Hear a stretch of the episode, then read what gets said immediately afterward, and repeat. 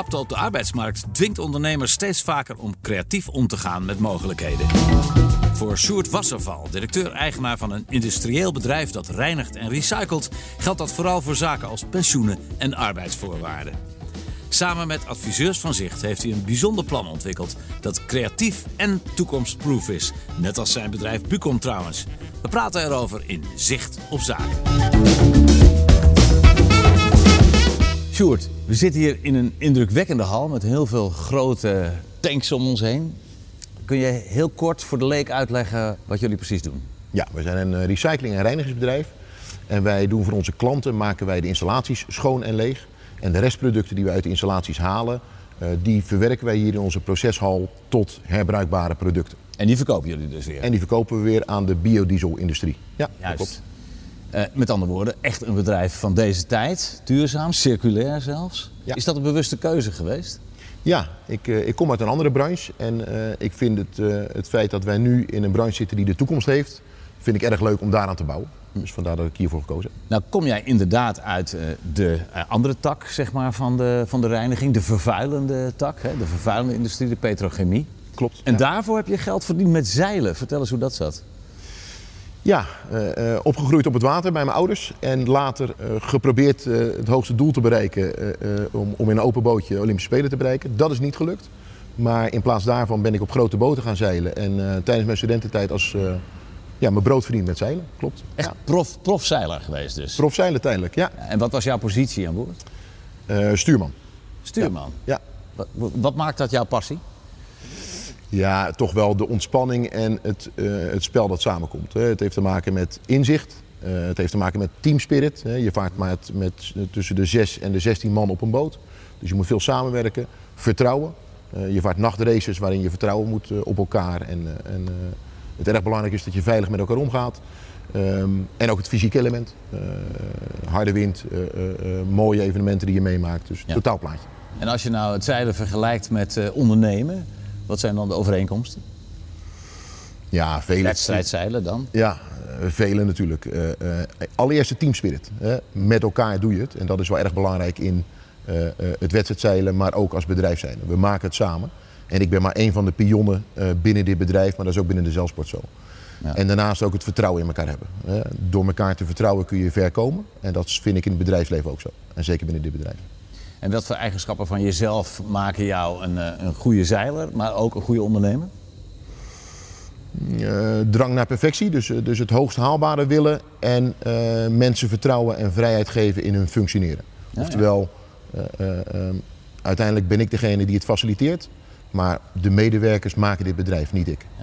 Nou, en dan Bucom. Ja, Bucom, een, een, een duurzaam bedrijf dus. Eh, dat is eh, handig, dat is commercieel heel, eh, heel slim natuurlijk, met het oog op de toekomst. Eh, zit er ook idealisme achter van ja? Ja, dat zou natuurlijk een beetje cru zijn om te zeggen dat dat bewust gekozen is. Het is wel zo dat ik deze markt en deze branche zeer interessant vind. En ik vind wel dat waar we met z'n allen naartoe willen als samenleving, eh, past dit wel bij. Dus ik vind het wel erg leuk dat het zo is gelopen. Of dat echt idealisme is, dat komt nu wel langzaam meer naar voren toe. Ja.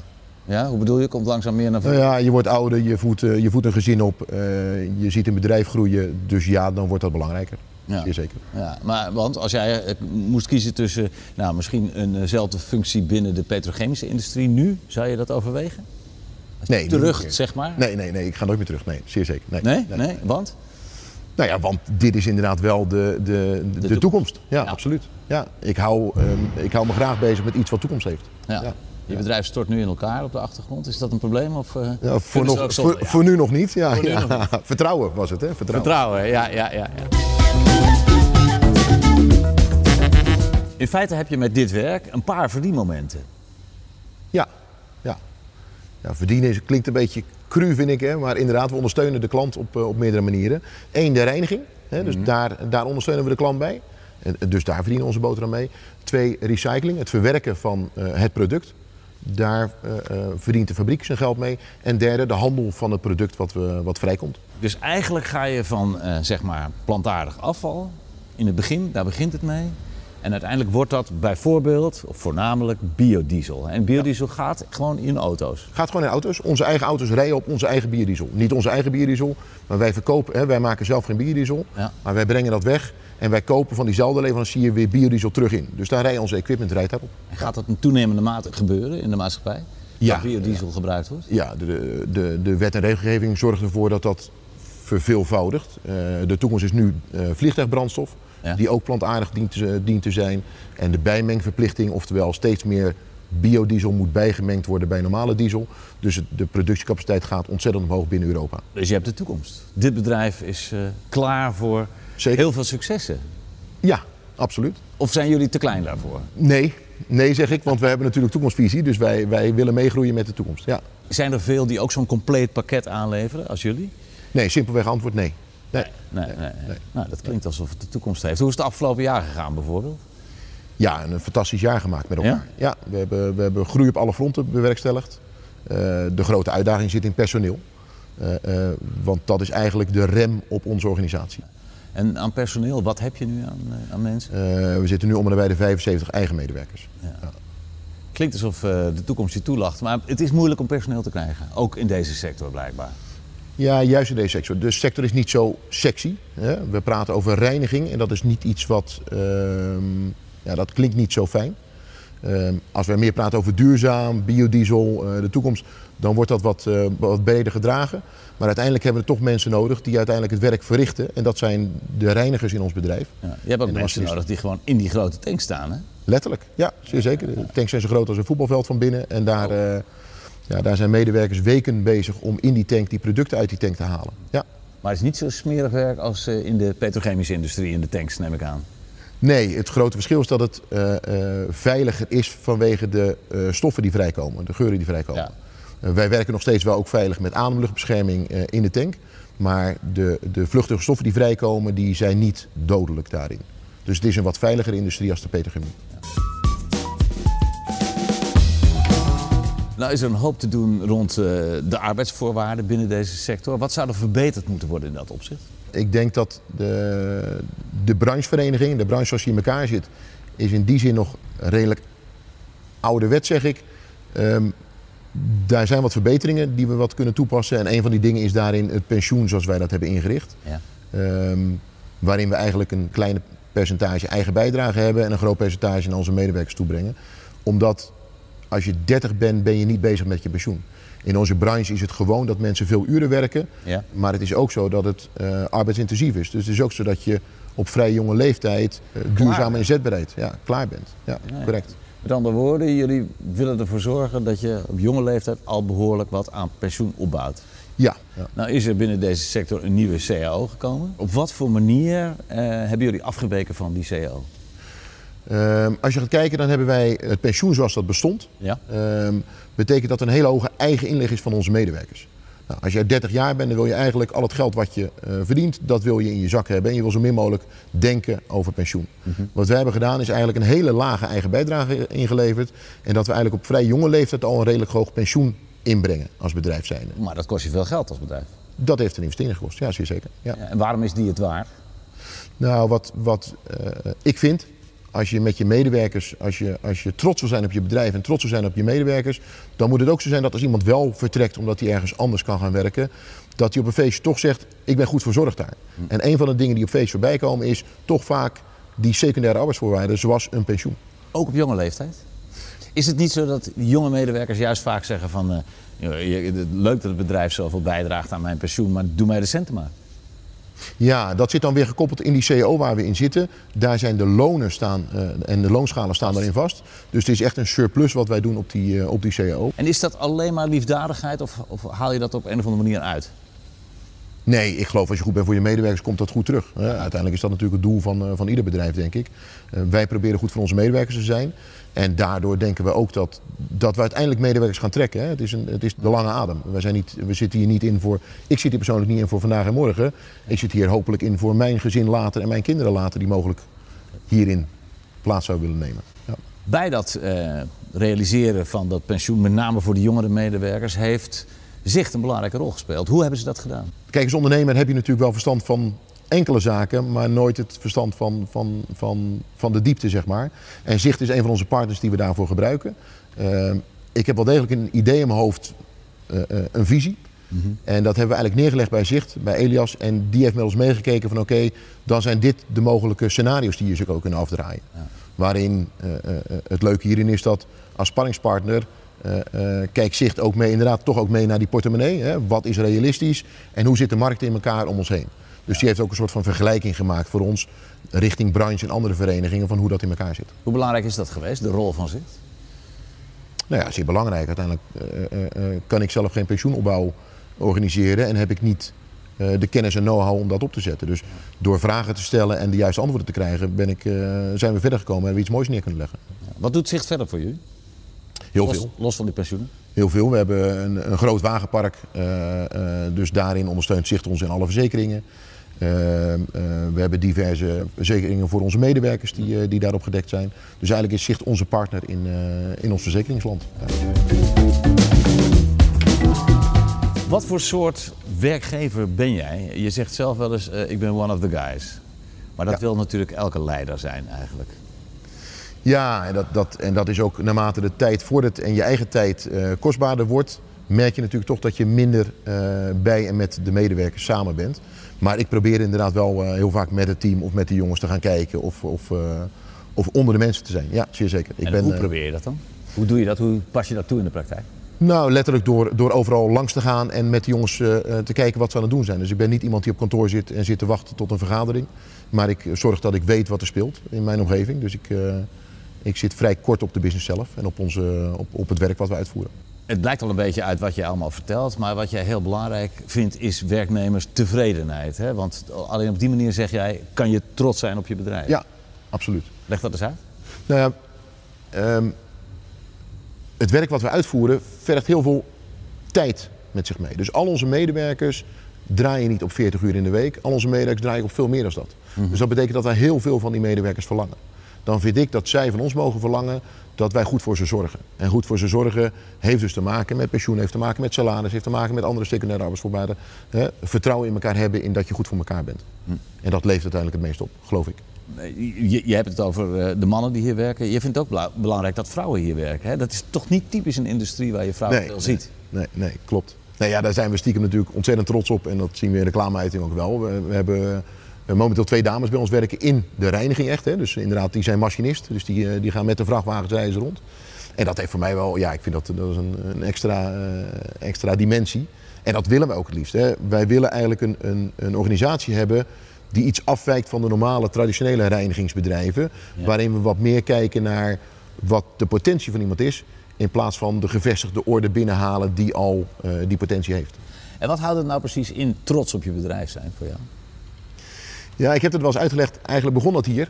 Deze productielocatie, uh, we hebben het bedrijf enkele jaren geleden overgenomen. Mm -hmm. Deze productielocatie is inmiddels voor een grote opgeknapt, maar daar kunnen nog wat dingen aan opgeknapt worden. En eigenlijk zei ik tegen de medewerkers, jongens, als we nou trots willen zijn, hè, kunnen we hier dan met ons gezin rondlopen? Zouden we dan trots vertellen hoe het er hier uitziet? Nou, daarin hadden we inderdaad allemaal hetzelfde antwoord. Op dit moment nog niet. Nou, dan hebben we dat als doel gesteld. ja. Laten we dan zorgen dat als we hier komen, dat we trots kunnen zijn op wie we zijn en wat we zijn. He, dat we ons veilig voelen, dat we ons fijn voelen en dat we met trots hier rondlopen. En inmiddels, dat, uh, inmiddels, Is dat zo? Ja? Inmiddels is dat zo. maar hoe, hoe heb je dat dan gedaan? Want dat klinkt makkelijker gezegd dan gedaan. Ja, dat is dan toch een beetje die motivatie met elkaar vinden om allemaal dezelfde reis te willen bewandelen. He, we hebben allemaal hetzelfde doel. En als je dat met elkaar maar voldoende uitspreekt en daarvoor blijft gaan, uh, uh, dan krijg je steeds meer mensen die ook die visie gaan delen met elkaar. Um, um, kleine voorbeeldjes. Uh, op het moment dat een van de chauffeurs vraagt van joh, zou ik een wagen mee mogen nemen naar, uh, naar de school van mijn kind, dat ik mijn kinderen kan ophalen met, met de vrachtwagen. Nou, dan, dan word ik daar blij van. Hè. Dat geeft me een leuk uh, en fijn gevoel. Ja. Ja. En dat zijn kleine dingetjes die je het gevoel geven dat we op weg zijn naar de juiste, naar de juiste plek. Als je, als je het naast elkaar zet, hoe belangrijk is werk, hoe belangrijk is zeilen? Voor jou? Uh, ja, werk is, vraag. Dat is ja, een moeilijke vraag, ja. ja, ja, ja het gezin, en dat, dat hoort dat zeilen bij. Dat is voor mij het allerbelangrijkste wat er is natuurlijk. Maar werk is wel hobby van me. En ik, ik besteed graag veel tijd aan mijn hobby. Dus ik ben ook heel blij en heel graag met mijn werk bezig. Ja. Dus ook mijn familie en mijn gezin, uh, die weten dat ik hier ook mijn passie uithaal. Uh, dus ik denk, alles wat je doet met passie, doe je met plezier. en dat, dat vergt weinig energie. Dus, dus die balans is wel uh, in evenwicht. In evenwicht, ja, zeer zeker. Ja, en, en, en, wat je met je gezin doet en hoe dat gaat, en als het goed gaat en of het, als het slecht gaat, dat kan je bezighouden, dat kan je echt raken, daar ben je bij betrokken. Geldt dat ook voor je werk? Ja, absoluut. Ja, ja? ja. Het is, uh, zeker als we nu praten over personeel, hè, wij willen heel graag meer personeel aantrekken, dus dat, dat boeit ons erg. Dus een medewerker die vertrekt, dat gaat me aan het hart. Dat, daar, ben ik, uh, daar ben ik erg betrokken bij. Waarom? Wat heb ik niet goed gedaan? Uh, uh, of wat hebben we als bedrijf niet goed gedaan? En hoe hadden we dat kunnen voorkomen? Dus ik vind dat wel. Uh, ja, dat trekt, me, dat trekt me erg aan. Ja, zeker. Ja, en soms spelen daar natuurlijk dingen waar je als bedrijf niks aan kan doen, maar die in de privésfeer van een werknemer spelen. bemoei je daar ook mee? Hou je daarmee bezig? Ja, wij zitten, wij zitten in een branche waarin. de industriële reinigingsbranche is een branche waarin mensen werken die uiteindelijk veel uren maken, waardoor ze ook veel salaris kunnen verdienen. Mhm. Dus dat betekent dat je een heleboel mensen hebt die, uh, die geld nodig hebben en dus in deze branche zich bevinden. Dat betekent ook dat die allemaal hun rugzak hebben met de problematieken die daar, eh, die, die daar mogelijk bij horen. En als dat zo is, dan proberen wij als bedrijf daar ook naar te luisteren en dat daarbij te helpen. Ja? Dus of er iemand in financiële problemen zit of in privéproblemen zit, of, dan proberen we wel te luisteren en te kijken of we een oplossing kunnen bieden. Heb, je daar, heb je daar ooit zelf ook bemoeienis mee? Ja, dat komt wel altijd, als je nou praat over beslissingen nemen, dat is wel een beslissing die, die ik altijd wel te horen krijg die we samen nemen. Uh, omdat, we, ja, om, omdat het direct invloed heeft op iemand zijn privé. Ja, als wij, we hebben hier, uh, dat komt nou helemaal voor dat je mensen hebt in schuldsaneringen. Ja, dan kun je als bedrijf natuurlijk vaak ondersteunen zodat die medewerker rust krijgt in zijn privésituatie. Mm -hmm. Zodat hij zich privé fijner voelt en dus ook in zijn werk fijner voelt. En dus hebben we meer nut aan elkaar op dat moment. En daar ga je vaak in mee? Daar gaan we vaak in mee, ja, zeer zeker. Ja. Je hebt hier 75 mensen werken. Ken je de meeste? Allemaal. Ja? Wie is de aardigste? er zijn er vele heel aardig. Ja, Je bent druk bezig met de pensioenen van je medewerkers. Heb je eigenlijk zelf een pensioen? Zorg je daar goed voor? Nee. Nee, natuurlijk zorg ik er goed voor, want dit is mijn pensioen. Hè? En ik heb vertrouwen in wat we aan het doen zijn.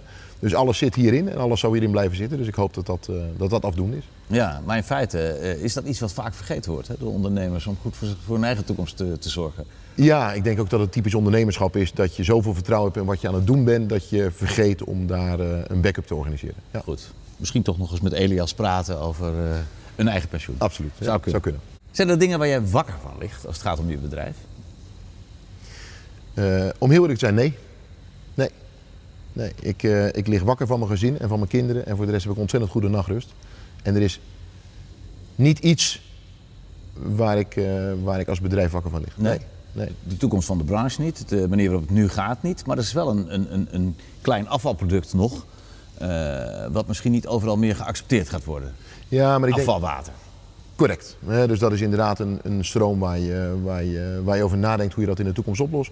Maar uh, ja, ik vind wakker liggen niet helemaal. Uh, dat past A niet bij mij. En B denk ik dat er overal oplossingen voor te vinden zijn. Is die er vandaag niet, dan vinden we morgen wel. Uh, dus zo kijk ik ook naar wat we aan het doen zijn als bedrijf zijn. Ja, maar je hebt het wel alles de Achilleshiel van je bedrijf genoemd. Correct, ja, zeer zeker. Dus het is zeker een, een probleem die we in de toekomst zouden zien. En daar vinden we weer een oplossing voor. Zoals wij als ondernemers, of eigenlijk als bedrijf zijn, altijd bezig zijn met oplossingen te bedenken. Ik, uh, ik, leg je even een paar, paar dingen voor. Dan mag je alleen maar zeggen, een keuze maken van de een of de ander, zeg maar. Uh, commercialiteit of idealisme? Toch commercialiteit. Uiteindelijk, ja. ja, ja. Plantaardige uh, reiniging of uh, petrochemie? Nee, alleen plantaardig, ja. ja. Ah, dat wel? Ja, Dan toch nog wel. Oké. Okay. Tot slot, werk of zeilen? Uh, uh, werk en zeilen. Ik denk dat die combinatie uh, goed mogelijk is voor mij. Dat mocht niet. Ja. Dan wens ik je toch een, een met bedrijf en privé en met zeilen behouden vaart. Dankjewel. Hartstikke fijn. Dankjewel. Dit was de zesde aflevering van de videopodcast Zicht op Zaken. Wil je deze en andere afleveringen nog eens beluisteren? Zoek dan naar Zicht op Zaken op je favoriete podcastkanaal.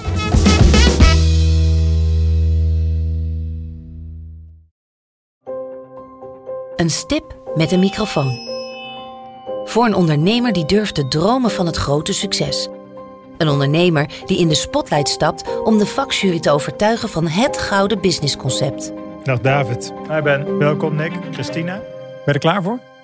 Ik ben er hartstikke klaar voor. Dan ga ik de klok aanzetten. Ik, Fabienne de Vries, neem jou mee in een nieuw seizoen van Droomstart. Een unieke podcastserie van de ondernemer waarin we ambitieuze Nederlanders volgen bij het realiseren van hun ondernemersdroom. Ik weet zeker dat er, dat er ruimte is om dit veel groter neer te zetten. Mijn grootste ambitie op dit moment is om dit zo ver mogelijk te schalen. Ja, we kunnen ons meten met de, met de, met de A-brands, uh, zeker als het gaat om, uh, om kwaliteit. En mensen die willen ervoor betalen als het werk gewoon goed wordt geleverd. Volg Droomstart in je favoriete podcast-app en mis niets van dit unieke kijkje achter de schermen. Droomstart is een initiatief van de ondernemer en podcastbureau As We Speak en wordt je aangeboden door Credits.